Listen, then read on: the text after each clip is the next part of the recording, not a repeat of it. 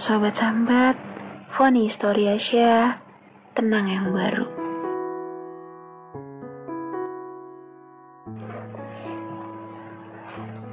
Hai Sobat Sambat, kali ini kita akan bahas salah satu manifest dari sebuah base yaitu dari base Convo NF.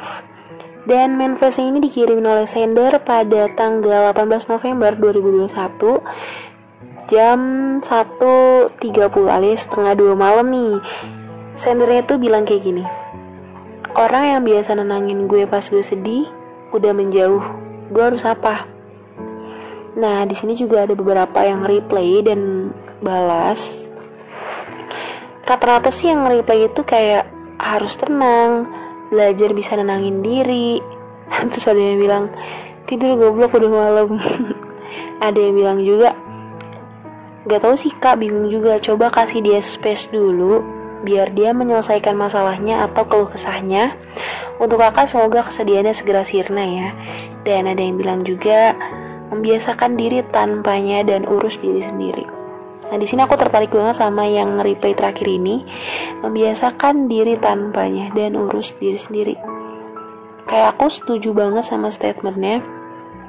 Jadi harus mencari tenang yang baru tanpa melibatkan seseorang.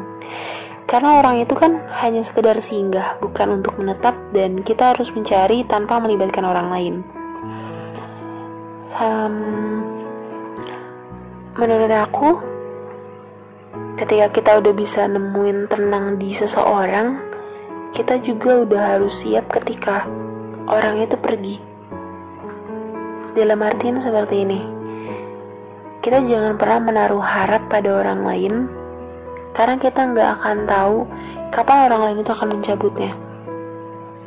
Entah itu harapan kepada orang lain, entah itu kebahagiaan, entah itu sebuah rasa tenang, itu jangan pernah kita tanam atau titip kepada orang lain. Karena kita nggak akan tahu kapan dia akan mencabutnya atau kapan dia akan pergi meninggalkan itu. Karena aku pernah merasakan ada di titik tersebut, Aku pernah bangkit karena seseorang dari sebuah rasa luka.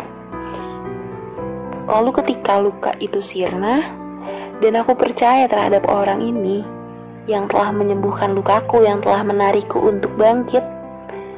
Tapi ternyata ia malah membuat luka baru yang jauh lebih sakit. Yang kukira dia obat, ternyata dia adalah luka yang paling hebat. Itu sungguh luar biasa, sungguh kayak Wow, kupikir kau membantuku, tapi ternyata kau malah membuatku lebih jauh lebih sakit. Tapi nggak apa-apa, itu. Okay. Ini adalah sebuah pelajaran yang kita ambil di setiap pertemuan. Aku pernah membaca ada sebuah hikmah berkata, hadirnya seseorang di hidupmu punya salah satu peran dari dua pilihan. Jadi nikmat buatmu atau pelajaran. Dan ini adalah sebuah pelajaran. So, thank you buat sendernya, thank you buat teman-teman yang replay, dan thank you buat teman-teman yang sudah mendengarkan. Selamat malam, dan sampai jumpa. Good night, sobat sambat.